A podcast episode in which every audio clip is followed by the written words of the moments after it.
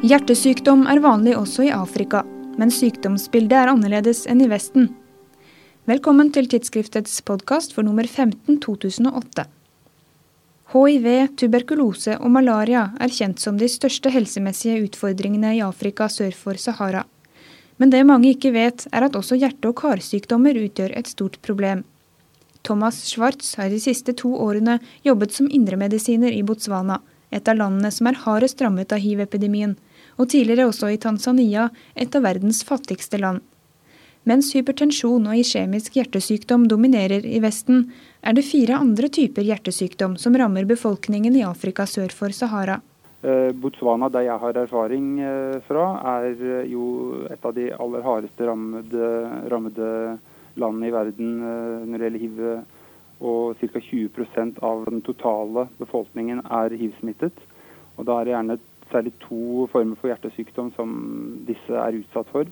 Det ene er eh, kardiomyopati, som hiv-assosiert kardiomyopati, som er en form for dilaterende kardiomyopati. Og den andre er eh, perikarditt, som eh, er forårsaket av tuberkulose.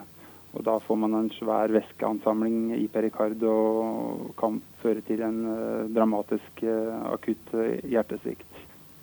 Foruten uh, disse to som uh, er klart hiv-relatert, er, er, det kronisk revmatisk hjertesykdom som er utbredt i store deler av, uh, av, denne regionen, og da aller mest i de fattigste delene. det kommer jo av revmatisk feber, som tidligere var vanlig her hos oss også, men de siste 50 årene har nesten vært ikke-eksisterende.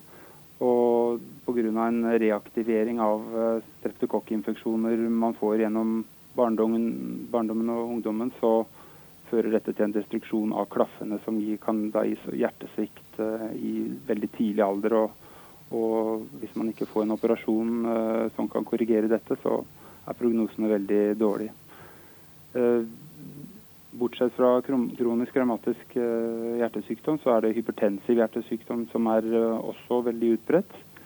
Hypertensjon i Afrika er jo et eh, stort problem med veldig dårlig regulering og dårlig compliance når det gjelder behandling. Og dette fører jo til at uttalt N-organsykdom blir veldig hyppig forekommende. Da.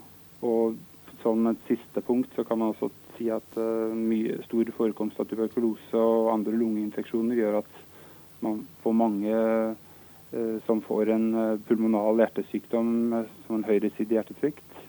det er altså en relativt stor gruppe. HIV er altså den dominerende årsaken til hjertesykdom, men også andre infeksjoner og fattigdom har betydning. Trangboddhet det er typisk for f.eks. revmatisk hjertesykdom, er det veldig sterk assosiasjon til.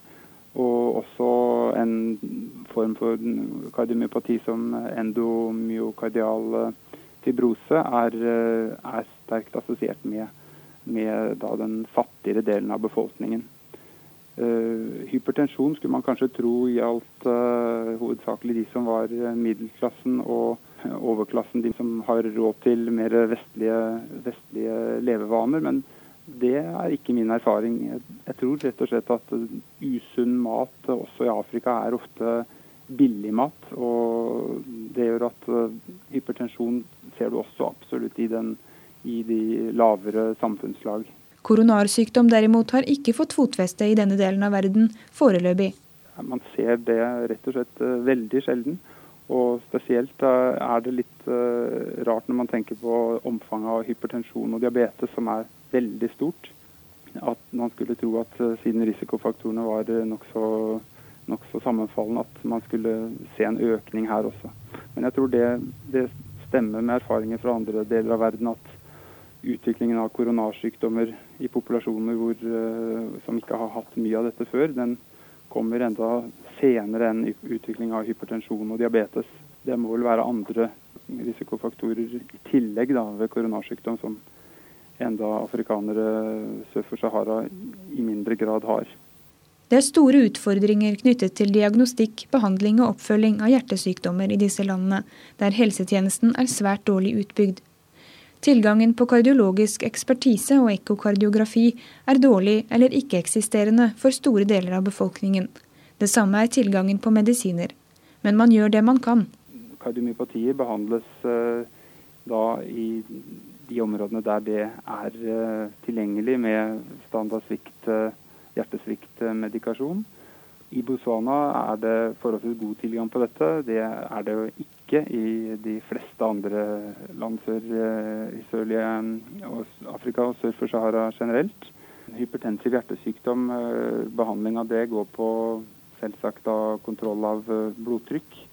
Og eh, revmatisk hjertesykdom er eh, jo noe for seg, for dette er pasienter da, som som regel i løpet av nokså ung alder er helt avhengig av å få, en, få kunstige hjerteklaffer for å kunne leve videre. Og det er jo da for de aller fleste pasienter sør for Sahara så er jo ikke dette noe alternativ.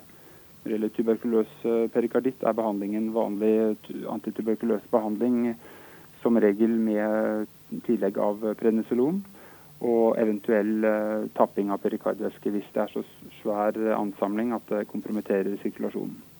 Bare i 2007 kom det ifølge Statistisk sentralbyrå drøyt 4000 innvandrere til Norge fra Afrika sør for Sahara. Dermed kan denne kunnskapen være aktuell også for norske leger. Hos pasienter som kommer fra denne regionen, så må man vel tenke på at eh, det er en mye større sjanse for selvfølgelig hiv-infeksjon. Eh, det er det ene, og man burde være obs eh, på bilyder man hører over hjertet og ha en lav terskel for å henvise til ekko under mistanke om kronisk revmatisk hjertesykdom. I tillegg til at tuberkulose godt kan De aller, aller fleste har vært eksponert for dette gjennom barndommen. Så ha de tingene i, eh, i bakhodet når man eh, kommer i kontakt med pasienter også her i Norge som er fra sørlige Afrika eller Afrika sør for Sahara, det vil jo være nyttig. Du kan lese hele artikkelen om hjertesykdommer i Afrika i tidsskriftet nummer 15 2008. Takk for at du hørte på Tidsskriftets podkast.